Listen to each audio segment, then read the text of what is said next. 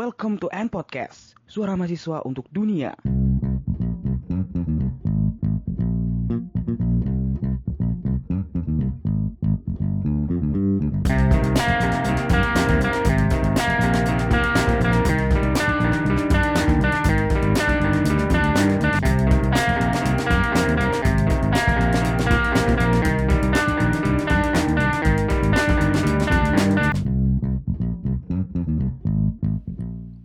Halo Sobat N Podcast, setelah satu bulan lamanya kita libur, setelah studio rumah Hanif yang rubuh, hampir mengenai dia karena azab yang pedih, Astagfirullahaladzim. karena tidak sholat.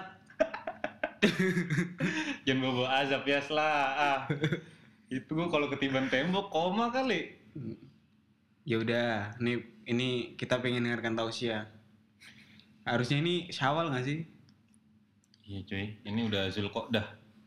Tapi gue agak males. Gue kemarin tuh gara-gara bosen sama repatriasi terus kita kasih tema ini, Heeh. iya kan? Pingin Tapi tema ini. Sebenarnya tema nih udah dari Ramadan kita rencanain ya. Benar. Jadi mumpung orang yang kita undang ini sebenarnya emang jomblonya terlalu akut sih, sampai udah kanker. Jangan begitu ya.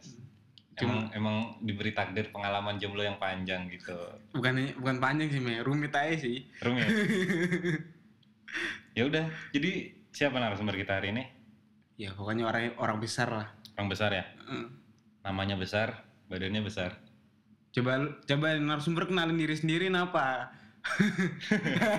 baru nemu gua ada podcast suruh narasumbernya kenalin diri sendiri Kan podcast beda. Iya. aduh Harus mandiri. Narasumber narasumber gak digaji ya. restoran self service gitu ya Malah kemarin-kemarin narasumbernya suruh opening. So, narasumber suruh Iya. opening ya Heeh. Kasihan emang narasumber di podcast harus mandiri. harus mandiri ya Kayak dijemput, nggak kayak nggak kayak PPI ngopi tuh yang yang YouTube dia aja. jemput jemput pakai mobil KBRI ya Hmm, Oh. Iya cuy. ngeri ya Menghadap Pak Dubes. Iya udah. jangan panggil gue, jangan panggil gue. itu mah pengalaman Beda. gua bos Bawa kata dubes beda tema dong bos. Iya. saya nanti lain lagi ceritanya Oh, Udah Ji, langsung lah kenalin diri dulu Ji. kenalin diri ya Walaupun udah banyak yang tahu ya, pada tahu lah. Walaupun sebenarnya orang tuh nggak butuh scene yang bagian ini. Iya. Iya sih sebenarnya nggak perlu ya maklum lah ya walaupun nggak terkenal di bumi terkenal di langit lah ya. Amin. Apa terkenal? Eh gak jadi gue mau ngejok dak tapi nggak jadi coba ya. Tapi orang terkenal di langit tuh ada dua loh. Yang- Kesolehannya. Maksiatannya. Pasti enggak sih enggak. Gue yakin gue yakin lidah lidah ahli hadis tuh Oh, nggak enggak, enggak, mungkin. enggak, enggak, enggak. Nggak mungkin ya. Yang ngarang gue berarti. Apa? Udah nama gua Hariri. Riri. Nggak pakai aneh nih. Mah aneh. Bebas ah. Na- nama anak Hariri ah. Eh jangan dipaksain, jangan dipaksain. Jadi maksain ya. Ya nama gua Hariri. Semester akhir, udah dua tahun semester akhir di Om Durman Islamic University. Katanya sih sekampus sama Ustadz Abdul Somad. Waduh. Katanya. Apa kebalik nih? Ustadz Abdul Somad yang kamu sama lu nih. Ya kan masuknya sih. duluan masuk lu. Masuknya duluan gua sih. Ya Ustadz Abdul Somad sebenarnya ada kelas. Jadi lu katanya nih. Cutting. Di ospek gak? Hah? Eh, jangan cuy, ntar, ntar dipanggil cuy gara-gara ini. Sama siapa? mendukungnya. Oh. Nggak. Lu nggak dukung? Nggak tahu. Dukung loh, lama harus kita dukung boy. Intinya kedatangan beliau membawa berkah buat kampus gua. Iya. Namanya jadi agak naik lagi. Jadi orang tua pada ngirim anaknya ke sini Betul. buat kuliah di Om Durman University. Betul. Jadi iya sih benar. Tapi libur pas nyampe sini. dua tahun. Habis itu nihai. Habis itu Habis itu repatriasi. Jadi ya udah, kita ini ngundang dia kenapa nih? Ya, Dia coba beliau. Sorry sorry. undang Pak Haji, Pak Haji. Udah haji gini, gini loh, udah haji loh. Kita mau apa? Bukan calon haji ya. Bisa umroh aja nggak punya kan lo? Gak punya. Ya, jadi kita ngundang Haji Hariri ini ya. Sebenarnya masih di seputar tema tentang nikah. Tapi Bukan karena pernah menikah. enggak, ini beda- bedanya Elilen sama podcast lain tuh gini. Atau orang- sama tempat iya. daurah nikah. Orang orang bahas nikah tuh biasanya tentang daurah nikah. Ya nggak bener nggak Ji? Rata-rata sih Nah begitu. iya dan dan dan narasumbernya biasanya udah nikah nih. Udah nikah. Jadi mereka nge-share pengalaman, step-step segala macam sampai jadi nikah gitu kan. Di sini kita beda nih. Kita sharing-sharing seputar perjalanan atau perjuangan lu buat menikah gitu. Emang lu Ya. udah ada niatan? Yang belum tersampaikan gitu aja. Dulu sempet ada kalau niatan. Kagak ada lagi sekarang. lah kenapa tuh? Ah, belum mana aja. Oh, belum mana. Cemilan ada nggak cemilan? Hah? Sepuluh ada, sebelas. Tapi lu bukannya pernah mau nikah juga ya? Oh, ada. Sampai mogok, sampai mogok makan gitu dulu. Nggak pernah gue mau makan aja. Lo cuma kehilangan harapan hidup aja. Oh, ho- hopeless ya. Hopeless. Ya ininya ya sedikit-sedikit ber- berbau manhaj dakwah gitu. Ya. Teguin. Karena antum juga termasuk ya kayak Antum, ah. besar. Mana antum mana antum?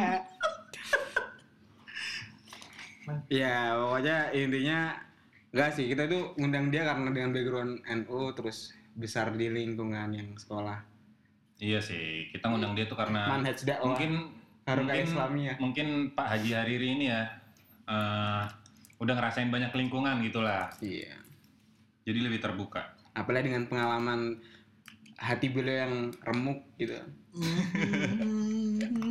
wajar sih wajar tapi kalau tapi podcast ini unik nih, Ri. Kita kan masih jomblo semua nih. Yoi. Pasti, pasti dong ini apa? Ayas dong yang hampir.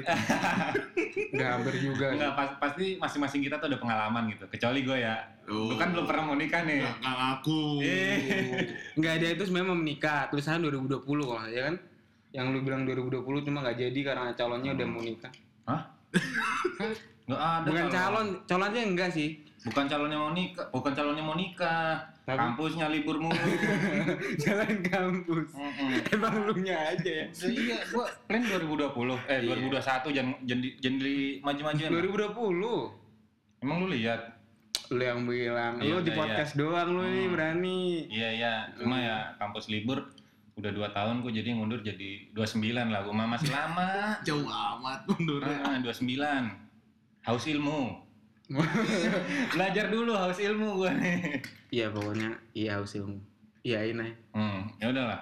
Hmm, ya Udahlah. udah coba tanya itu lu tanya ini narasumbernya kasihan coy Tanya, tanya dulu bisnisnya gimana. ini sebenarnya- Betul ini gue megangin mic. iya ini Tanya dulu bisnisnya gimana. kasihan dia Kenapa? bisnisnya udah lancar ini tadi dia itu dari pagi sampai sore dia tuh membakar ayam Tadi lu bilang apa? Kasihan dia. kasihan capek Kasihan lu. Oh, iya bener. Bisnisnya nggak jalan. Padahal Ayas ini kan juara bisnis plan tuh. Dikasih hadiah sama Dubes. ya gue tuh gue tuh cocok buat bisnis plan aja lah bayar gue buat bisnis plan Actionnya nggak ada. Jadi gue jadi orang otak aja lah ya ya Main belakang. ya udah nanya tanya itu itu pertanyaan lu bejibun tuh lo kasihan dia mau bakar ayam lagi Oke Ji, jadi. Ji, jadi tema kita hari ini ya tentang nikah kan ya udah gue bilang ya. Nah, cuma biasanya orang kalau nggak bahas daur nikah, nikah beda agama. Mm-mm. Nah, kali ini ya ini relate banget lah sama kita ya. Maksudnya nikah beda kelompok gitu atau beda warna atau beda apa? Beda budaya gitu-gitu lah ya saya. iya beda Pokoknya pokoknya beda lingkungan lah sama kita gitu. Itu menurut lu gimana Ji? Menurut gua. Iya, menurut lu dulu sebagai lah. orang yang ada niatan sangat sangat Mungkin mungkin ya, gitu. mungkin lu punya pengalaman gitu kan, pengen nikah sama yang beda So- culture sama lu gitu. emang lu sculpture gak sih eh, sculpture emang gak sih bukan masalah lo Sewarna Ngomongin siapa sih? gak tahu lu Gak tahu lah, gue kan nanya nih pengalaman lu. List lu kan banyak tuh. Aduh. Ber- berapa kali berapa kali lu ada niatan serius gitu dalam menikah sekali doang Ya sebenarnya sih udah dua kali kali ya. Hmm. Dua kali. Cuma emang yang jadi tantangan terberatnya itu adalah kurang ganteng pertama itu, yang kedua juga kurang tajir. nggak apa-apa Nggak apa-apa ya. Duniawi. Duniawi, ada jabatan ya lah Ada jabatan ya, tapi gue jadi ketua PPI setahun kayaknya nggak ada juga ya. Duniawi juga jabatan Duniawi juga ya, lah. kayak ini ya. Kalau orang bener tuh pasti ngeliatnya ilmu. Allah, Allah, pantas. kayak antum Kayak antum, Enggak Ustaz. juga. emang apa ya intinya sih sebenarnya tantangan terbesarnya tuh kadang kalau kita tuh kan kalau milih orang gitu ya mau nikah ketertarikan itu kan kadang dari dari mana kita ngarahin diri kitanya gitu jadi kita terbiasa gaulnya sama siapa Iya, iya. ya kadang kita jadi ngarahnya ke situ Oh, cuma kan yang jadi tantangan terbesar adalah tadi kan sebutin tuh sama Ayas keluarga gua kan NU semua nih Iya. Supi semua nih Iya. Nah, terus kemudian ketika nyari calon bini gitu, Hmm. yang nggak sejalan dengan itu, permasalahannya keluarga guanya siap untuk eh, menerima keadaan tersebut. Hmm, Artinya orang tua gue punya mantu yang bukan NU. Iya. Yang kedua juga ya di si calon bininya ntar kalau ada gitu, kalau Hmm. ada ya siap enggak gitu untuk menerima kenyataan bahwa keluarga gua tahlilan gitu, Iya, iya, kunut kalau sholat Ah. misalnya begitu sih. Iya, iya, iya. Masalahnya sih di situ simple. Keluarga lo open minded juga ya? Hah? Walaupun tetap mempertahankan kebiasaan, tapi menerima ya, menerima orang luar. Tapi emang sih perkara menerima. perkara perbedaan tuh untuk dua orang nggak bisa satu pihak doang gitu kan. Misalnya kan kayak keluarga lu udah menerima, cuma apakah keluarga cewek bisa menerima juga gitu Nah, kan? itu juga yang jadi masalah. Apakah keluarga yang ceweknya mau menerima gua sebagai orang yang punya latar belakang keluarganya NU gitu. Ya nggak tahu juga ya namanya jodoh kan walau alam ya. Iya sih. Padahal syahadatnya masih sama ya. Syahadatnya sih sama. Nah, Syahadat itu. sama nggak? Masih syahadat nggak? Lupa. Syahadat tiap sholat syahadat nggak? Apa nggak bersalah? Astagfirullah. Lu Apalah sampai lupa acara sholat? Aduh. Ya begitulah. Mungkin ini agak terdengar sensitif ya bagi beberapa orang. Sensitif cuma emang, sih. cuma emang yang Emang terjadi, kenyataannya masih iya, terjadi. kenyataannya masih terjadi. Kayak contoh gini deh, ya itu kalau kalau ya kalau apa namanya beda pemikiran kan kadang suka agak dalam lah ya itu ya. Iya. Ya kayak sekarang nih yang banyak juga misalnya eh, beda suku gitu. itu Iya, kadang juga kan suka jadi masalah gitu Betul. dan lain sebagainya lah. Mungkin kalau yang banyak denger gimana ini kan Sudan nih ya, Sudan kan. Saya Surkati datang ke Indonesia itu kan untuk ngapusin orang Arab harus nikah sama Arab lagi gitu. Nah. Nah, gara-gara saya Surkati ngebolehin orang Arab nikah sama selain Arab, akhirnya kemudian keluar dari Jamiatul Khair tuh. Hmm. Kemudian bikin Al Irsyad gitu kan. Ya bikin yang lain lagi gitu. Nah, itu gara-gara suku apalagi kemudian gara-gara fikroh gitu kalau bahasanya ayah iya, sini kan. Gara-gara fikroh yang berbeda gitu kan. Ini lebih lebih fatal dan lebih sensitif lagi daripada sekedar masalah suku, Suku. gitu. Iya betul. Karena kadang kita banyak yang ngapling-ngapling sorga sekarang ini. Itu kan susah juga kalau begitu. Boro-boro ngapling sorga. Ngapling apa? Dapat kaplingan neraka aja itu emang. ya bahaya lu ngomong neraka surga nih ah. Iya, ter- terlalu sarkas pak. Jadi ya nggak kalau di apa sih di fikroh yang yang antum tumbuh di sana ber, ber- bertahun-tahun gitu loh. Pernah ngerasain itu gak sih yang kayak alasan-alasan? Nggak pernah nggak sih ngalamin suka sama orang terus dikasih jawaban ya keluarga lu tuh keluarga yang nabiin gitu nggak cocok sama gua atau kadang gue tuh pernah pernah nyampein kayak boleh nggak sih orang fikroh gue nikah sama orang hizbut tahrir contoh ya jawaban nyokap nyokap gue mah nggak boleh gitu Ya kalau gue pernah sih nanya sama nyokap ya, sama nyokap. Jiji sambil minum ya kalau haus. Oh iya, ini santai, berat santai. bahasanya nih. Berat ini, sambil minum. agak agak dalam ini Iya. napas ini. Ya kalau gue nanya sama bokap gue segini, eh nyokap ya. Jadi pas mau nikah gitu. Udah ada bayang-bayang calon, baru bayang-bayang Hmm. sih gitu kan. Kirimin fotonya malah dikirimin foto orang Turki. Ya jelas cakepan orang Turki kan mana-mana gitu.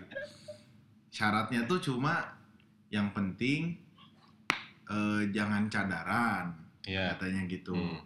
Terus kemudian ya amaliyahnya bisa menerima amaliyahnya keluarga gua gitu. Ya berarti kan artinya dari keluarga gua sendiri juga nggak mau jauh-jauh amat gitu kalau nyebrang gitu Hmm. loh. Tapi kalau ya kalau datengin cewek belum pernah. Oh. Cuma jawabannya dari orang lain Iya, gitu ketika gua nanya tentang seseorang, jawabannya udah mending lu mundur aja, lu kan beda apa namanya? beda beda Beda pemikiran. gitu. Padahal gue ada di kelompok itu juga sudah cukup lama gitu walaupun kemudian ya nggak nggak nggak kayak antum berdua ini yang sudah mengakar dari jabang bayi gitu loh Jangan antum mah Mas Ayas aja ya. Kalau kalau orang tua anak tuh nggak setinggi itu. Beda sama orang tua Hanif Eh, Hanif yang megang eh, Jawa Timur. namanya aja Hanif Lurus. Tapi gue dibebasin sih buat urusan nikah tuh. yang Maksudnya kan penting yang, cowok. yang penting Oh. yang dicoblos satu jangan jangan beda Jangan politik. Jangan politik. Ya. ya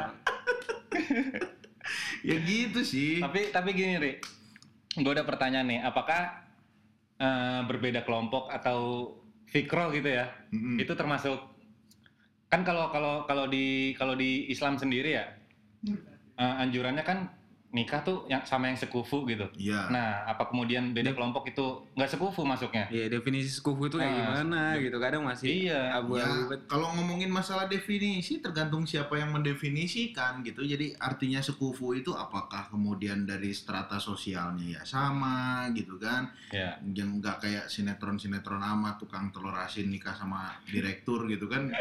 Itu kan terlalu FTV sekali. Lu gitu kan. kelarasin ya. Kayak Atau keluar keluar kontak. ini yang buat souvenir ya. Atau kemudian dari segi kesolehan yang sama Iya. gitu kan? Atau dari segi kecerdasan yang Eh, sama itu Gelar gelar. Heeh, gelar yang Gelar sama, ya kan kan tergantung Iya, gitu benar, kan benar. masalah sekufu. Tapi kalau masalah fikroh ini ya memang eh, tinggal bagaimana ya kan sebagaimana yang disampaikan oleh Sayyid eh, Kutub, Nah. oleh, oleh Sayyid Kutub kan jelas gitu kan. Nata'awan fi mattafaqna wa nata'adzar fi makhtalafna Artinya ya kita tuh bersatu padu bekerja sama dalam hal-hal yang kemudian kita sepakati dan kita berlapang dada dalam hal-hal yang kemudian kita berbeda gitu Nah, tapi kan dalam masalah berkeluarga kan lain cerita kadang ya kadang kan ya ya gue punya pengalaman gini Wah seru deh kalau udah bawa pengalaman Iya. seru tapi pasti. bukan pengalaman gua keluarga Oh. gua bibi gua Oh iya iya iya. bibi gua tuh Boleh. NU Hmm. Nikah sama nikah sama orang Muhammadiyah Ah. jadinya jadi tiap tahun tuh lebarannya beda Oh, gantian. suaminya lebaran duluan, eh, bininya besoknya lebarannya. Cuma akhirnya ya si paman gue ini eh, lebaran ngikut Muhammadiyah hari itu ya dia cuma sholat id doang, makan kupatnya besok juga. Hmm. Karena eh, bibi guanya yang nggak mau bikin kupat di hari itu orang puasanya eh lebarannya masih ibaratnya lusa gitu kan atau Iya, iya. besoknya gitu. Dan nggak ada masalah tuh selama ini gitu nggak ada masalah. nggak ada masalah ya kalau kemudian eh, artinya paman gua ngimamin baca emang nggak baca kunut ya nggak jadi masalah. Ya. terus ketika kemudian bibi gua sholat sendiri baca kunut juga nggak jadi masalah buat paman gua. Yang penting saling memahami dan saling mengerti di situ. Selama kemudian rambu-rambu syariat gitu Hmm. ya itu tetap dipegang. Artinya nggak kemudian si Ayas gara-gara beda pemahaman si Ayas nyembah patung bininya Nyembah gayung. gayung Kakek gayung. kan ini sama-sama itu kan kalimah wahidah gitu kan kalimatin sawa gitu kan ya tadi syahadatnya sama gitu istilahnya ya walaupun kemudian kembali ada ini gue jadi kayak kultum ya terus ya. apa-apa. apa-apa. Emang emang antum tuh kan haji. Jarang-jarang pak podcast kita berisi ilmu gitu. ya kan ada ada sebuah apa namanya ayat ya al arwahu junudum mujannada ya. Allah. Ayat apa hadis sih? antum nih yang jurusan hadis Ustaz Hadis tangan, angkat tangan. Penistaan ya Ada. terhadap jurusan. al arwahu junudum mujannada gitu kan. Jadi yang namanya ruh-ruh kita ini ya akan berkumpul dengan pasukannya masing-masing gitu. Iya. Ya mungkin yang punya kecenderungan dengan eh, apa namanya orang-orang yang eh, tahajudnya rajin ya juga akan kumpul dengan Hmm. yang tahajudnya Masya rajin. Ya, Allah, kayak Ustaz antum Hanif. antum ini kan alhamdulillah. Ustaz Hanif ahli yang hadis. rajin sodako ya sama yang rajin sodako, yang punya pemikiran ini dengan yang pemikiran ini, yang suka amalia ini kumpulnya dengan yang suka Hmm. amalia ini gitu sih. Ya kalau kemudian nyebrang dan lain sebagainya ya selama kemudian masalah furu ya harusnya sih nggak jadi masalah. Betul. Kalau masih masalah furu. Tapi Baik. kadang tantangannya gini sih, gue tuh pernah sedikit diskusi sama nyokap gue. Mi- minum ya. Minum, minum, minum. kita nggak bisa ngasih haji-haji yang lain seperti ayam antum Set. Ada tuh ayam hidup di rumah. ya pokoknya gue pernah diskusi soal kita menikah kenapa kok jangan sampai berbeda soal fikro dan lain sebagainya salah satu halnya itu kayak kita kan intinya di berbagai jalan punya tujuan sama lillahi ta'ala meninggikan kalimat Allah lah ya itu ya. jadi anak itu gitu di di, di, di- sama seperti Ustadz Hanif ini agar Jangan disama-samain. nggak apa-apa disamain karena emang sama taskif ya. Podcast ya. Jadi kata nyokap gue itu ya pernikahan tuh nggak seperti definisi pernikahan bagi kita nggak sekedar menurunkan anak gitu secara biologis tapi ideologis juga. Makanya kalau bisa ada target dakwah kemudian ya ini terakhirnya adalah meninggalkan kalimat Allah. Jadi kelompok itu, kelompok ini, kelompok yang ini ya kan, mereka punya tujuan sama tapi kalau kita tidak membuat keluarga yang sama gitu takutnya nanti keluarga itu tidak bisa membantu jalannya dakwah waduh berat cuy Ini ini berat buat jawabnya. Aduh, berat gue mikirnya gua, lama gua aja gak tahu jawabannya Iya, ya begini sih. Karena- karena ya, belum nikah kalau- sih. Kalau menurut gue sih gini. Oke lah, misalnya eh, tadi mewariskan ideologi yang sama, artinya supaya ideologi itu mengakar gitu kan, Iya. dengan turunnya anak cucu bertambah suara, eh salah, Eh, anak cucu, hati-hati tadi panggil jalan dakwah itu semakin kuat gitu loh. Iya. Salah salah ini ini salah ngomong ya hadirin. Baru lahir diajak nyoblos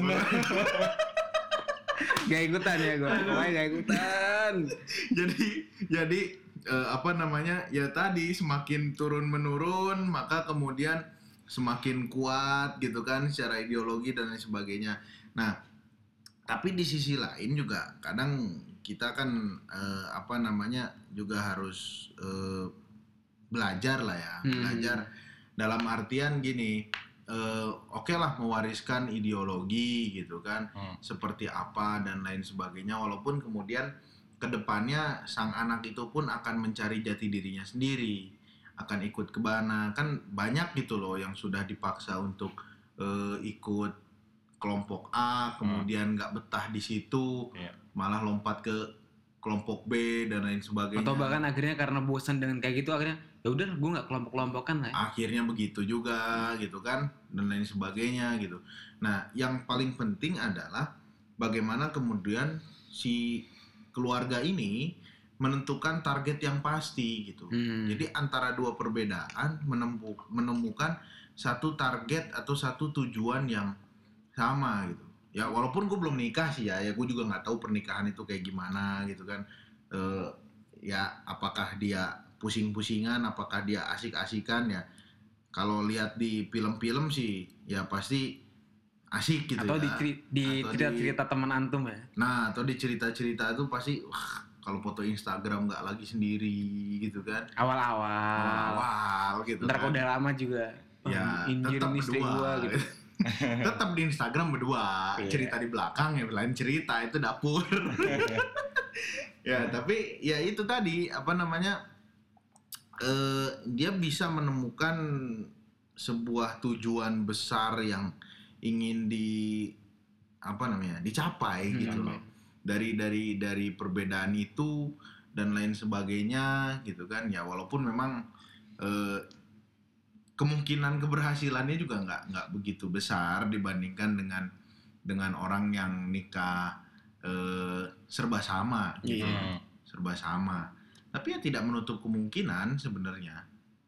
Sebenarnya iya sih kalau kan apalagi kemudian yang satu setengah-setengah. Hmm. gitu jadi Iya. nggak nggak A banget nggak B banget gitu. Tapi yang ini AB misalnya yang ininya B gitu. Iya, iya. tapi kadang juga mungkin bahkan yang sewarna pun kalau nggak punya tujuan jelas dari kenapa gue harus menikah? Kadang juga setelah menikah ya kentang bet hidupnya gitu kan. Dan ya pasti juga nggak sedikit yang kayak gitu loh. Nggak gue nikah kenapa ya gue nikah ya? Karena gara-gara teman gue nih gara-gara Dobro nikah suruh gue nikah muda nih nggak kasih gue duit lagi kan Iya, kalau itu kan masalah Oh, iya. masalah usia artinya nggak semua orang pada usia yang sama itu waktu yang tepat untuk menikah gitu. Kita Iya. ini sebenarnya bukan bukan eh, jomblo lapuk gitu. Lu, Tapi lu ngomong kita ke Ayas doang ya.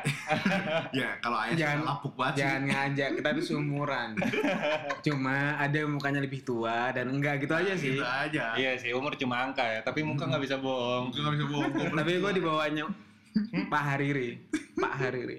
ya kita belum menemukan aja waktu waktu yang pas. Kadang kan nggak semua orang juga ketika mau nikah tuh hitung-hitungannya mateng gitu loh. Ya. Iya. Ya kalau jujur nih, kalau gue nih eh, setelah dulu kemudian punya niat untuk menikah dan tidak jadi gitu ya, qadarullah wa masyafa'al gitu kan, nggak jadi, akhirnya gue ke sini ke sini berpikir gitu, maksudnya nanti setelah nikah tuh mau ngapain? Bukan Iya. kemudian gue mempertanyakan nanti rezeki dari Allah ya, tapi tetap kalau dalam prinsip gue harus ada hitung-hitungan pasti, malu orang Jawa kan gue kan. Jadi Jawa artinya- Barat tapi. Oh eh, gue orang Purwokerto aslinya, Oh, iya. aslinya, cuma hidup di Bandung aja. Jadi, lu orang mana sih, Yas? lu orang mana ya, Sa? Lu kan makin bingung. Jawa Timur gua. Oh ya Timur. Jawa Timur habis turun dana. Sorry sombong. Oh gitu ya. ya mudah-mudahan Kang Emil denger. ya jadi eh, apa namanya? Tadi sampai mana sih? Iya ini ya umur. Iya umur gitu kan ya. Gue berpikir kemudian eh, nanti kalau udah nikah kemudian tanggung Apa? jawab si cewek kemudian beralih ke gua, Hmm. gua harus punya tanggung jawab untuk cari tempat neduh, Hmm. untuk ngasih makan, untuk ngasih nafkah jadi banyak gitu dan kemudian sekarang malah semakin berpikir untuk ah ya ntar dulu dah kalau Hmm. misalnya kemudian kayak gitu gitu. Iya, iya. Itu kalau gua sih. Ya sa, sa, sama. Emang lu gitu juga, Yas? Enggak, gue lebih jauh sepertinya. Lebih jauh Lebih maksudnya? jauh. Nggak kan menikah itu enggak kok intinya gue mencoba untuk menengahkan percakapan gue sama nyokap gue sama bokap gue soal ya pernikahan sewarna gitu kan ternyata mungkin kadang kecenderungan tuh ada dengan yang sewarna ya kan walaupun lu itu sebenarnya lu mau nikah sama siapa aja silakan ya bagi gue kan kayak gitu cuma rasa suka tuh kadang karena lingkungan lu tetap sama akhirnya lu jatuh sukanya sama orang yang sama kecuali nih lu temenannya banyak orang ikut organisasinya kayak BEM bisa jadi karena gue juga pernah ngalamin gitu kan. Da- tapi kan definisi nikah akhirnya gini di tengah-tengahnya tuh ya intinya gue entah gue bakal ngebantu fikroh yang di apa yang dipikirin sama nyokap bokap gue apa enggak. Tapi intinya tadi itu lu mau sewarna nggak sewarna tapi tetap intinya adalah atau sewarna pun itu lu harus punya tujuan jelas pernikahan kayak target lu buat keluarga seperti apa iya kan kayak gitu Kayaknya udah ada stempel warna nih di jidatnya nih. ada cuy kalau arit Udah kayak masjid tuh. Bulan sabit. Terus nih gue mau nanya lagi, Ji. Apa tuh? Apakah nikah harus dilandaskan cinta? Sedangkan- apakah apakah sekedar taaruf Enggak, oh enggak bukan gitu. Apakah nikah harus dilandaskan cinta? Kalau kan syariatnya kita disuruh nikah kan. Mm-mm. Nah, cinta nggak cintanya nggak disebut. Ya. Ya benar kan? mm-mm. Coba. Kalau pertama sih ya, kalau prinsip gua, kalau prinsip gua tetap harus ada salah satu yang mencintai. Kalau kalau gua ya, hmm. ya ima guanya atau kemudian ceweknya Hmm. gitu. Tetap harus ada salah satu yang mencintai gitu. Karena gini, eh, nikah itu kan sama-sama istilahnya kerelaan ya, Hmm. kerelaan. Yang ini, yang cowoknya rela kemudian mengambil tanggung jawab si cewek dari orang tuanya, yang artinya semuanya dibebankan sama dia gitu kan. Dan kemudian si cewek juga rela untuk ya ikut ya namanya istri kan Iya. apa namanya eh, di bawah komandonya suami, Suami. setelah kemudian kewajiban orang tuanya berpindah ke Suami. si suami. Kalau kemudian salah satunya nggak cinta, maka kemudian ibaratnya nanam benih, ya, kan nggak bisa nanam benihnya di lantai. Hmm. Ya nanam benih ya harus di tanah gitu loh. kalau lantainya tanah Lantainya tanah tuh ya rumah lu kali ya. ya nanam benih ya kan harus kita juga harus tahu gitu cara menumbuhkan benih yang tepatnya seperti apa. Hmm. ketika kemudian lu misalnya punya passion sebagai seorang eh, apa namanya kalau pembuat kopi itu apa namanya Barista. barista ya Iya. lu misalnya punya passion sebagai seorang barista kan lu juga harus dulu punya minat gitu Hmm. pada kekopian gitu kekopian lagi perkopian lah gitu sama kalau prinsip gue dalam masalah nikah ya guanya juga harus mencintai dulu ceweknya sehingga apa pun pasti diusahakan gitu loh. Hmm. apa pun pasti diusahakan dan nggak berujung diem-dieman dan lain sebagainya. Karena ketika seseorang itu mencintai pasti mencoba memahami. Siapa bilang kemudian dalam Islam yang oke lah tidak disebut gitu kan eh, tentang masalah cinta. Tapi kemudian kita kalau menelisik pada eh, apa namanya kisah bagaimana Rasulullah dan Sayyidah Khadijah gitu kan Hmm.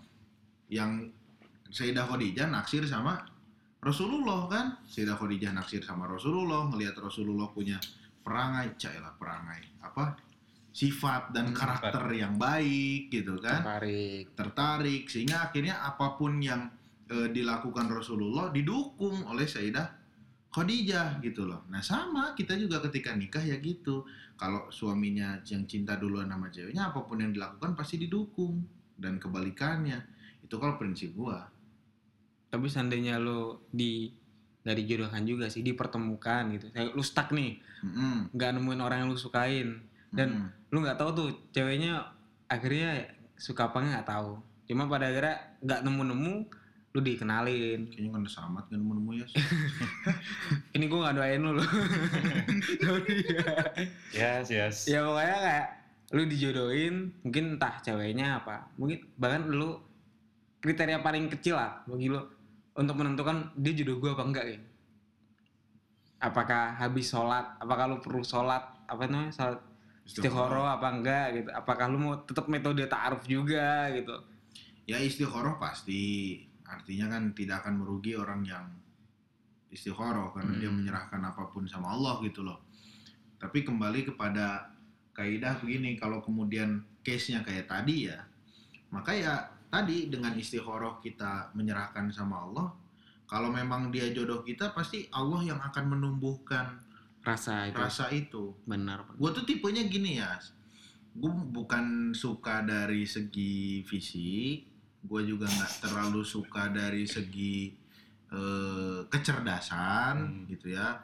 Nah, ya, ya tapi ya walaupun tapi ya jangan yang tell me amat, jangan yang jelek-jelek amat gitu kan. walaupun yang lu sukain selama ini Ya calo cakep dan pinter sih. ya tapi gue tuh melihat dari bagaimana keseharian dia. Gue tuh bi- bisa tertarik sama seseorang itu pertama dari keseharian dan kebiasaan dia. Yang kedua kedekatan dia gitu loh sama orang lain, Hmm. sama eh, Supel lah gitu. ya supel jiwa sosialnya tinggi gitu nah kadang gue tuh suka berpikir begitu karena kita ini kan semuanya adalah duat akhi ada kecualinya nggak? Kita ini semuanya kan dai. Ya Allah. apalagi Berat. antuma ini kan masya allah udah ditunggu An- umat. Antum aja ya. Jadi, banyak. istilahnya kita kan nggak tahu. Kita kan punya kewajiban untuk dakwah gitu iya benar. Punya kewajiban untuk dakwah.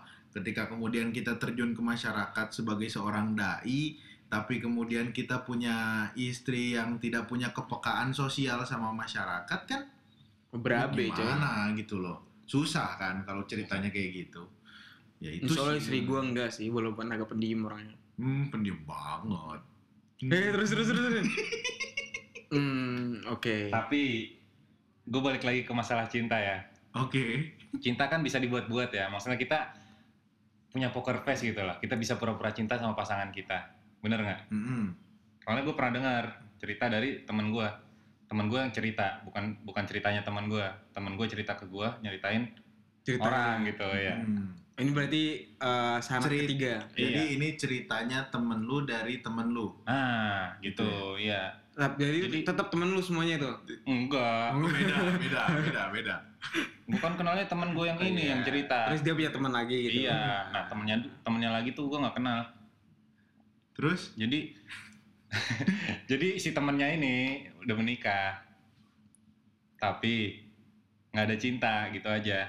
sedih gila kan prinsipnya sih gini si temen gue nih ceritanya prinsipnya kayak pernikahan kan pernikahan jelas syariat ya dan di dalam pernikahan tuh kita punya kewajiban misalnya kita kita suami kan punya Hmm. kewajiban kepada istri Mm-mm. apa ya iya iya segala macam lah kita punya kewajiban sama istri dan istri pun punya kewajiban buat menuhin hak hak suami gitu jadi Mm.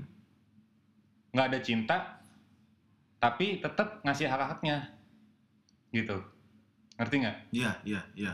nggak ada cinta tapi, Tapi tetap haknya ah, dikasih. hak sama kewajibannya tetap di ini Berat sih sama kayak apa ya?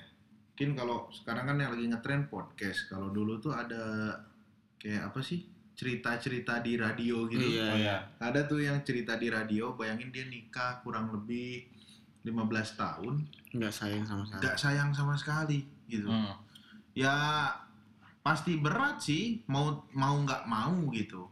Ya yang namanya cinta yang sesungguhnya tuh ya harus di ditumbuhkan gitu dalam dalam masalah pernikahan ketika Ya. pernikahannya mau sukses daripada kemudian saling memendam derita gitu, wis memendam derita.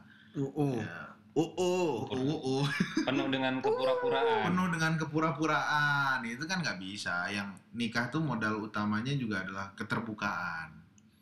Itu. Makanya perlu berarti emang nikah lu gimana pun apa lu mau nikah sewarna beda warna tetap aja kayak lu harus punya tujuan jelas ya dalam bener, menikah bener. Jadi kayak tentang gue bakal nungguin cinta apa enggak tapi kalau lu nggak punya tujuan jelas sekedar entah pelampiasan entah pelarian entah sekedar nurut tapi lu nggak punya secara pribadi nggak punya tujuan nikah ya entah kecelakaan kecelakaan Oh, beda beda nauzubillah, ya. nauzubillah itu Nah, pokoknya ini ya harus punya kejelasan lu tuh ketika memilih untuk menikah kan harus jelas gitu.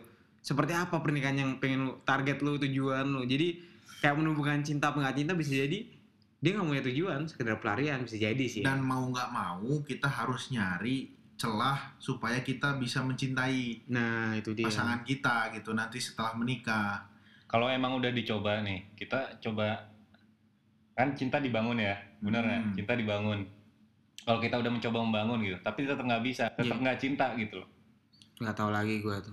Mungkin hidupnya terlalu duniawi. tapi ya gimana tapi dia punya prinsip dia cuma pengen nikah satu kali gitu jadi ya udah dia yang penting ngasih hak hak pasangannya ya yang penting sih ya itulah eh, kita oke lah kita belum belum mampu mencintai pasangan kita tapi setidaknya kita juga harus belajar untuk memahami pasangan kita artinya ketika kita sudah memahami pasangan kita pasti kok ada hal yang kemudian bikin kita itu eh, sayang gitu atau cinta Mutai. sama dia gitu Iya bener sih. Iya iya Eh ini aneh banget sebenarnya bahasanya. Ini orang nggak pernah menikah tapi bisa soalnya menikah. itu loh gimana ya Gak, gue bayangin juga eh, kayak percakapan sama Hari juga soal temennya kan. iya Yang menurut gue bisa jadi nih orang stuck karena dia nggak kayak or- orientasi akhirat aja. Kayak gue nurut sama suami seandainya dilillahi ta'ala, Hmm. dilillahi ta'ala lah. Dia nggak sampai semembosankan itu. Jadi gimana sih lu rasanya stuck banget ibadah tapi lu tetap ingin ibadah karena lu nggak pengen jauh dari Allah gitu. Kayak gitu juga. oh iya, Jadi iya. dia setiap harinya bakal, oh ini ibadah, ini ibadah karena Allah. Jadi dia nggak sampai berpikir ini beban. Nah, Hmm. Ya itu tadi balik kalau kemudian kita merasa ah berat nih untuk untuk cinta ya balikin lagi tujuan nikahnya buat apa gitu. Insya Allah kok kalau kemudian nikahnya karena Allah Subhanahu Wa Taala Maka insya Allah salah satu kafling di surga buat antum. pasti akan dibangunkan gitu cinta itu gitu loh. Dari tembok yang roboh. Itu sih Garing. Iya, iya. Hanif. iya aduh gue diceramain gue diceramain Ini sebenarnya ceramah kayak gini nggak cocok karena sama orang nggak pernah nikah. Iya beda memang. coba ini saya curhat aja Eh, sih. curhat. Ini so soal kita tuh udah pernah menikah gitu. Soal anggap anggap aja udah nikah. Iya. Ya namanya juga kita ini sedang sedang membenci sebuah sistem yang dibangun Oleh oleh tatanan dunia baru. kita nganggap kita udah nikah nih enggak juga. Enggak. Cuma ini sebenarnya sekedar bukan kebencian, kritik membangun Kritik bahasanya. memang. kritik sosial. Iya, bahasanya uh, abinya abinya ini hari ini. keresahan yang terjadi lah temen-temen gue juga banyak kok yang cerita masalah ini apa? Nikah beda gini beda warna. Giliran suka nggak diterima gara-gara beda gitu. Ya kadang gini, giliran giliran ada yang sama gue nggak suka. kita kita ini kalau ini prinsip-prinsip gue juga. Kita ini kalau mau meneguhkan suatu ideologi Hmm. itu tidak mesti kemudian eh, membangun sebuah ideologi yang tertutup, Hmm. tapi bangunlah sebuah ideologi yang terbuka. Seperti Pancasila. Artinya kita punya eh, Garing. apa namanya nggak nggak ibaratnya A ke A B ke B gitu Hmm. kita nggak tahu A tambah B itu akan menjadi A akan menjadi B atau akan menjadi C gitu Hmm. ya untuk yang kayak ibarat nebar benih lah gitu kan ataupun kemudian ya apa ya seminimal mungkin gitu orang lain tuh akan memahami bahwa ideologi kita juga bukan sesuatu hal yang salah gitu loh Iya. dan mereka akan lebih mengenal karena mengenal kemudian tumbuh cinta gitu kan dan akhirnya kemudian nggak ada lagi sini-sinisan dan lain sebagainya gitu itu sih kalau kalau prinsip gua gitu Hmm. mungkin dulu Ahani paham lah di Madura tuh yang namanya Islam tuh kan NU katanya gitu kan selain Hmm. NU tuh nggak Islam katanya kan gitu aku subuh kunutan pak Nah, aku subuh kunutan gitu kan. Tapi kan lama kelamaan orang NU-nya banyak yang kemudian ber apa kalau kalau antar suku antar culture Akulturasi. gitu kan, akulturasi akhirnya kan paham oh ternyata ya, Akul manhaji. akul akul berat juga nih bahasanya. Tahu lah.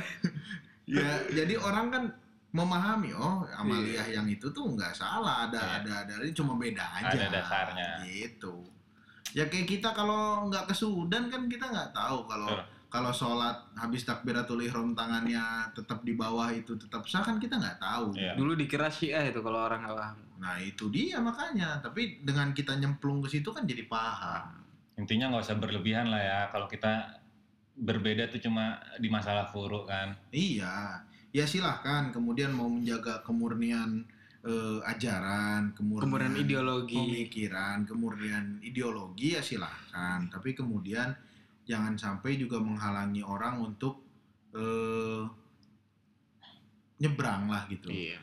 Nyebrang dan eh, nyemplung ke kolam yang lain. Hmm. Jangan sampai sih. Gitu. Orang sekarang lagi zaman nikah beda agama gitu. Kenapa? Makanya gitu kadang toleransi yang kita yang yang banyak digaungkan di sebagian orang kita kan toleransi orang berbeda agama, tapi Ah, ah. toleransi terhadap yang berbeda kelompok di dalam agama kita ya iya kayak gak begitu ditengahi. orang pada bersuara tentang toleransi kan mereka sama yang beda agama toleransi gitu. tapi Hmm. sama yang beda kelompok padahal satu agama keras Iya, padahal kan al muslim Akhul akhul muslim. Innamal muslimuna ikhwah fa aslihu baina akhaikum Kayaknya- gitu. Akul muslim itu definisi muslimnya jangan-jangan Nah, itu salahnya. Kita tuh jangan mempersempit definisi muslim itu tadi. Kayak Eh. tadi lah misalnya kejadiannya gitu. Tuh ya pokoknya punya pemikiran yang sempit lah, jangan sampai lah gitu. Tambah berat bahasanya tambah berat. Makin makin berat. ya udah ini Nggak. kasih terakhir loh kasih beberapa pertanyaan terakhir. Kasihan ini dia mau bakar ayam lagi. Kira-kira eh dampak nih dampak. Dampak ketika lu udah minat sama seseorang tapi lu ditolak hanya gara-gara beda.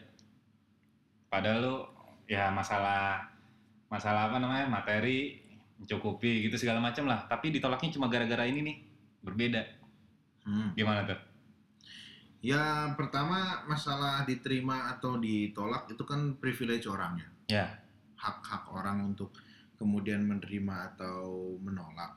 Tapi sekali lagi ya bukan berarti gua orang yang soleh ya, tapi eh, apa namanya kan jelas kata Rasul kalau datang hmm. seorang laki-laki Mm-mm. yang soli itu kan melamar maka terima Hmm. gitu kan ya kembali ke situ Rasulullah kan nggak nyebut kalau datang seorang laki-laki yang kemudian ikut golongan Abu Bakar kan nggak nggak nyebut begitu Iya, tapi atau seorang laki-laki gitu yang enggak sama sekali soli ini kan apa eh, Jawa mi'ul kalim gitu kan. Aduh, aduh. gitu kan. Rasulullah tuh menyampaikan suatu frasa yang kemudian kalau diselami maknanya tuh ternyata itu luas gitu. Iya, Solih itu ya bisa jadi kesolehan karena eh, ibadahnya itu udah pasti Hmm. ada kesolehan sosialnya, ada kesolehan otaknya dan lain sebagainya gitu kan. Ya jangan ditolak gitu loh. Tapi nggak disebut harus A B C D E F Iya. sampai Z A A B B C C. Otak ente bersih nggak ya? Otak aneh keram, Pak. Dua tahun nganggur ya? Karena takut terlalu pinter kalau udah tahun belajar. Hmm, Hmm. Makanya diliburin sama yang atas. gitu ya. Sama dong. Emang haus ilmu sekali antum ini. Sangat haus. Insya Allah. Insya Allah, diuji. Lalu, Lalu, lu dong yang cerita ya. udah, Tadi hari ini udah cerita. udah cerita banyak tadi cerita. Biasanya banding. lu kan banyak cerita. Gimana gimana dulu yang lu pengen pengen nikah banget itu gimana? Ini sebelum penutup lah ya. Iya iya, ceritalah. Apa sih? Enggak, gue gue dulu tertarik sama orang yang beda. Ya tapi walaupun orangnya udah Tapi beda jenis kelamin kan? beda lah. Oh, Gue walaupun punya sedikit kehomoan tapi nggak bener-bener homo. gak, di, gak dikat juga nggak apa-apa. Iya pokoknya gue tiba-tiba ujung-ujung gue bilang, Mi boleh gak sih nikah, eh bokap gue sih, boleh gak sih gue nikah sama orang HTI gitu. contoh. Wah itu akhirnya jadi pembahasan di telepon bla bla bla diskusi. Emang emang lu dari keluarga apa ya? Kalau mati nggak boleh. Ayo. kuning hitam putih. Tahu lah. Itulah. Oh warna bantal. bantal. Iya orang bantal, bantal ini. Hadiah kampanye. Lu pro LGBT nggak sih? Enggak lah. Tapi gigi lu pelangi. Astagfirullah. ya udah lanjut lanjut. Lanjut. Ini serius ya. Iya, serius, Apa sih serius. bahasa itu? Jadi ya gue menemukan. ATI nih ATI. Iya, pokoknya kita kan sama-sama haroka lah. Kita Hmm. sama-sama haroka nggak bisa nyambung gitu.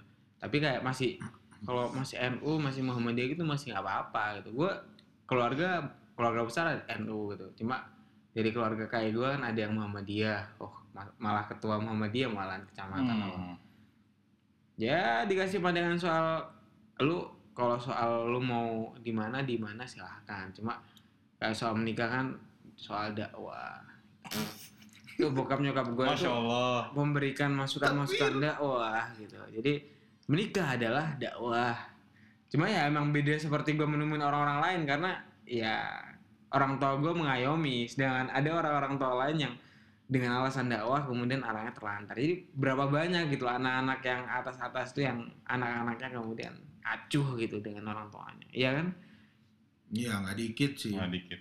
Hmm, tapi nggak ya nggak perlu lah apa nggak nggak sebanding kalau ngebandingin Haroka sama kayak Ya kayak kadang gitu. Kadang banyak orang yang kemudian bina usyahsiahnya sudah oke, tapi bina ulusrohnya enggak. Ya, itu Karena gitu. fokusnya langsung ke bina mujtama. Ini apaan sih? Nggak tahu eh swear dah Ya membangun dirinya udah oke gitu Hmm. kan. Membangun sosialnya oke, tapi keluarganya malah jadi terbengkalai itu juga yang gua nggak mau. Padahal ada marotipnya ya. Hmm, Ada marotipnya sebagai nggak paham nih paham disampaikan oleh Al Ustad siapa? Nama Abi Antum ah iya ntar cari di di YouTube dicari aja di YouTube. Udah udah Ah. mau Abi. ya ya kalau SD. tapi yang jelas tuh dulu pun dulu itu sebelum kayak ada Haroka ada Salafi ada bla bla mau yang, yang terkenal gitu loh nikah nikahan Muhammadiyah aja kayak susah aja walaupun Susah, susah. terjadi itu tapi susah tetap aja kayak masih ada itu dari masjid itu masjid NU masjid Muhammadiyah ya emang kita dari dulu terbentuk seperti ini gitu Tapi kalau gue jujur sih ya, gue tuh hidup di tadi bener kata Hanif, lingkungan gue tuh variatif ya. iya lebih Jadi masjid depan rumah gue persis tuh Hmm. NU.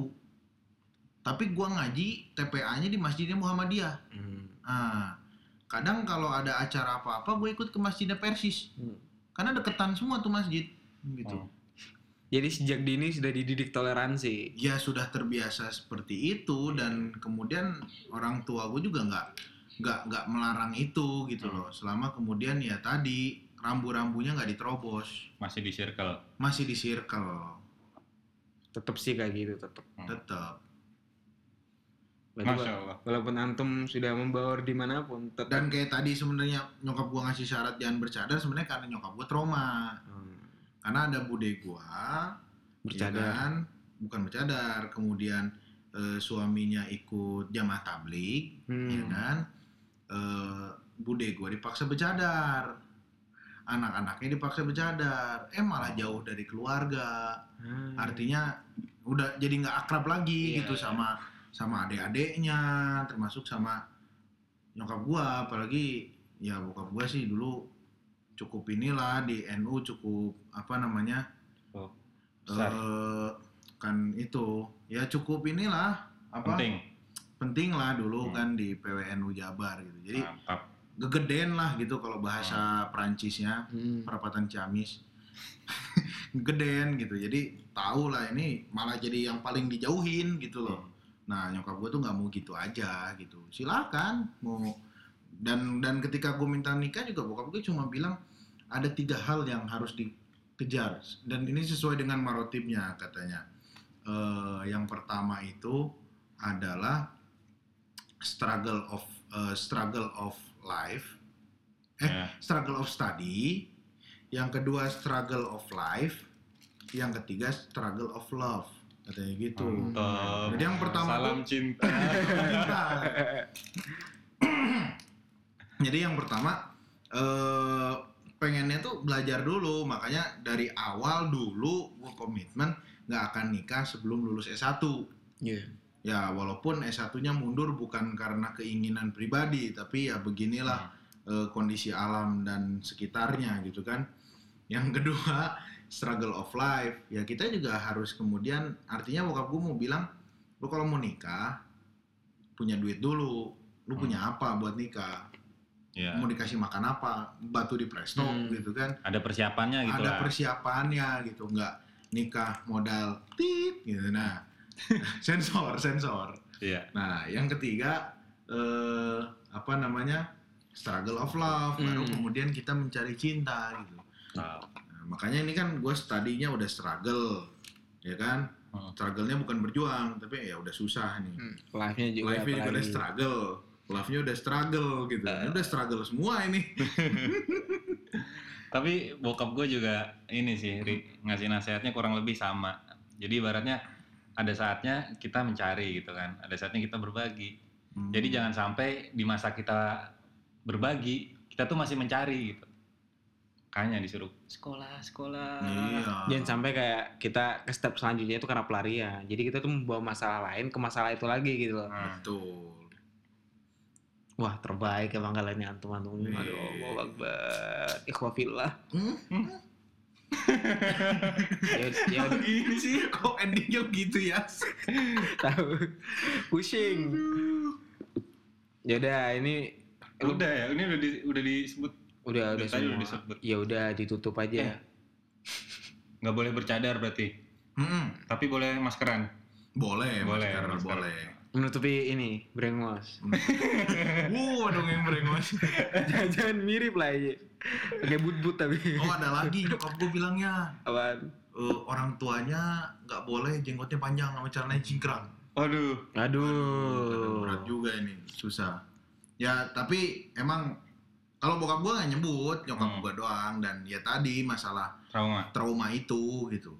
Dan Walaupun mungkin nggak semuanya seperti itu. nggak semuanya seperti Hmm. itu dan gue juga maksudnya selama kuliah ke Sudan sering kok gue debat sama nyokap gue artinya kayak misalnya masalah jamak takhir eh, apakah harus di jalan apakah boleh di rumah itu Hmm. kadang gue debat tuh sama Hmm. gue gitu kan lalu terus kemudian Terus masalah- akhirnya akhirnya lu ngalah nggak? ya Enggak. ya enggak Tetap saling ini. Iya, Hmm. karena ya emak gue tahu gitu kalau gue nyampein sesuatu yang emang ya gue pelajari gitu loh, artinya Iya, betul. bukan bukan sesuatu yang ngada-ngada hanya untuk pembenaran gitu loh. Ya masalah-masalah kayak gitulah itu tafahum bainana wa bainahum gitu antara kita dengan eh, orang tua kita juga kan harus difahamkan gitu loh. Gitu sih, biar nggak kesannya maksa. biar nggak kesannya maksa. Jadi ya udah kasih 10 kalimat yang menjelaskan inti dari pembahasan ini sebagai penutup. Silakan Mas Gue Hariri. hitungin enggak sih gak usah 10 dihitung. kalimat. Gak usah Pak. 10 kalimat 10 kata pak 10 kata ya? Kalau Intinya sih cukup, gini. intinya aja lah. Pertama, Iya berapa Ya, kalau kemudian kita mau nikah sama orang yang beda aliran Iya. gitu ya. Misalnya yang Iya. satu arkawit 49, yang satu arkawit berapa gitu kan Hmm. alirannya beda. Yang tuh. beda mati lampunya beda. mati lampunya Ah. beda gitu yang sekarang malam yang pagi gitu. Ya itu silahkan, tapi lagi-lagi apa namanya? eh, bagaimana kita tadi ngeset tujuannya tuh jelas dan terus kemudian kita memahamkan eh, dua keluarga karena sebagaimana disampaikan sama teman gue nih teman sekamar gue dulu ya nikah itu bukan hanya menyatukan dua insan tapi Tapi nikah itu menyatukan dua keluarga artinya dua-duanya ya harus sama-sama paham dua-duanya harus sama-sama mengerti Hmm. dua-duanya harus sama-sama menerima gitu. Siap. yang kedua ah yang kedua eh, prinsip gua selain kemudian guanya ya cinta atau kemudian orang lainnya yang cinta sama gua walaupun sampai sekarang nggak ada gitu Belum. Nah, belum ya ada. Ini besok pada lepas cadar nih. berlepas cadar Hmm, ya Besok pada lepas cadar. boneng semua nah itu eh, yang paling penting adalah ridho orang tua ya dan keberkahan Hmm, bener, dari prosesnya itu Ayas doang. Tuh, nih yes, yes. sejauh apa pun kita melangkah kalau kemudian orang tua kitanya juga nggak ridho ya walaupun kemudian cowok tuh nikah nggak wajib ada walinya gitu kan. Tapi kalau kemudian orang tua kita nggak ridho terus proses yang dijalaninya juga memaksa dan tidak mendatangkan keberkahan maka gimana kemudian kita mengharapkan keberkahan dalam keluarga itu sendiri? Kalau proses yang kita laluinya itu pun tidak mendatangkan keberkahan dari Allah Subhanahu wa taala. Allah. Allah. Mari kita tutup podcast kali ini Lu lu kasih kesimpulan juga dong dikit. Udah nggak usah. Nggak usah. Kesimpulan gue tadi tuh intinya lu ya sama kayak Bang Haji Hariri ya Berjuang. harus punya lu mau nikah sama sewarna nggak sewarna itu intinya kan lu harus punya tujuan jelas apalagi ininya tujuannya menggapai surga walaupun lu kalau sekarang lu ngomong ini kayak halu loh Iya sih. Iya sih. Gimana gimana cara menggapai surga orang belum nikah sholat belepotan aduh sholat duha jamaah tiap hari. Oh. Iya kan ngomong nikah besar-besar lillahi ta'ala ya. Tapi tetap harus diperjuangkan nih. Harus Tapi nikah. terkait perbedaan juga nih ya. Kan kalau apa ya? Kalau kalau kalau di Islam sendiri kan ya. Kalau misalnya muslim khilaf gitu. Mm-mm. Ya jangan salahkan Islamnya gitu kan. Tapi ya emang kesalahannya dari pribadi sendiri gitu. Iya. Nah, begitu pula di kelompok gitu. Misalnya ada kelompok yang ada ya satu orang lah dari kelompok itu. Oknum, oknum. oknum. Satu oknum di kelompok itu yang yang hilaf gitu misalnya. Yang yang gimana sih ngomongnya? Menyimpang yang dari ya apa yang, yang seharusnya. iya. Ya jangan jangan Jangan jangan langsung ngecap ya. kelompok ini begitu gitu loh. Soalnya kan di tiap kelompok pun ada orang-orang baik gitu. Maksudnya iya kan ya Ya iya, Mm-mm. iya.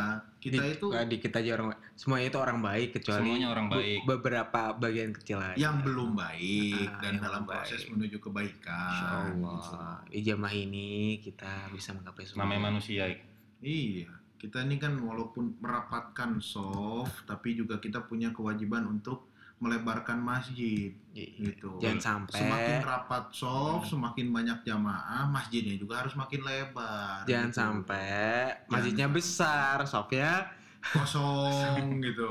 masjid sama imam doang. Ataupun kemudian dua masjid dempet-dempetan, teriak-teriak aduan toa gitu. Nah, jangan sampai. Rebutan jamaah. masjidnya Rebutan sepi jamaah. kamarnya rame Kayak rumah hantu. ya please lah ya, ya udah di ditutup. sini dai semua ini Iya, insya Allah gak ada yang tahu gitu. Orang yang ngomong-ngomong banyak agama masuk neraka nggak ada yang tahu. Jangan lupa yang belum follow Akun sosial media El Nilen. Coba promosi. Terus, Nah, ikutin terus semuanya. coba sebutin Instagramnya. apa namanya? App majalah El Nilen. Cakep. YouTube-nya Apa? apa? Yo. Ada lain channel apa? Gue juga lupa. Tahu website-nya nih ya Website, kan? Website-nya Websitenya majalah nilai apa dot apa? dot com. Dot com. Oh iya, El Nino lagi ngadain lomba kan ya? Iya. Gak tau ini ada mah. ada yang denger apa? Ini kan udah tutup usah Hari ini hari ini terakhir nih tanggal 7 nih. Orang diuploadnya besok. Oh, berarti tinggal nunggu pengumuman juara. Hmm. Buat Udah, yang, udah, buat udah. yang udah ikut banyakin doa. Hmm. Mudah-mudahan dapat berapa hadiahnya? Seribu, SDG. Pound sterling. Bukan. Oh bukan. Seribu dolar gede. Gede. Pound segede. Lumayan lah. Aduh. IG Ya gua udah. dong di ini nih. Ini Pak Hari ini belum. Sabar. Instagram gua juga ya. Iya, Instagram. Gua aja aja Mas Hariri. At Hari Riang. Hari Riang sama Hanif Afat. Mehra official di YouTube. Sama Nasruddin Hasan. Udahlah pokoknya semua siapa mau disebutin. Mari kita tutup dengan baca hamdalah dan. Oh iya, Gua udah tadi udah gua Oh sebutin. ya. Ini gua mau tutup. Coba tutup narasumbernya nih. Lo masa nasa nomor yang nutup juga. Bagi job dong. Kita Bagi udah job buka. ya, bagi job ya. Ah. Kasihan coy dia dibully. Ya. Makasih yang udah dengerin apa Endpot. Podcast. Yes. Hari ini mudah-mudahan ya eh, telinganya nggak pengang dengerin kita ngomong ngoceh Semoga lah ada yang dengerin sejam. sukses terus end podcastnya dan teman-teman yang ada di Sudan yang dengerin sabar terus mudah-mudahan cepet pulang dan buka kampusnya Amin. yang dengerin di tempat lain juga sehat-sehat terus ya Iya. Pendengar kita sampai Amerika loh. woi canggih Gua Saya nggak tahu dulu deh. S2 di Singapura mas Enggak, Ayas waktu itu pakai VPN. oh iya Weekend Belanda. Ah, ya udah kalau gitu besok gue pakai Israel oh jangan jangan bukan negara Ya udah terima kasih udah dengerin N Podcast selama tau lah berapa jam nih ntar dipotongnya. Wassalamualaikum warahmatullahi Wabarakatuh. wabarakatuh.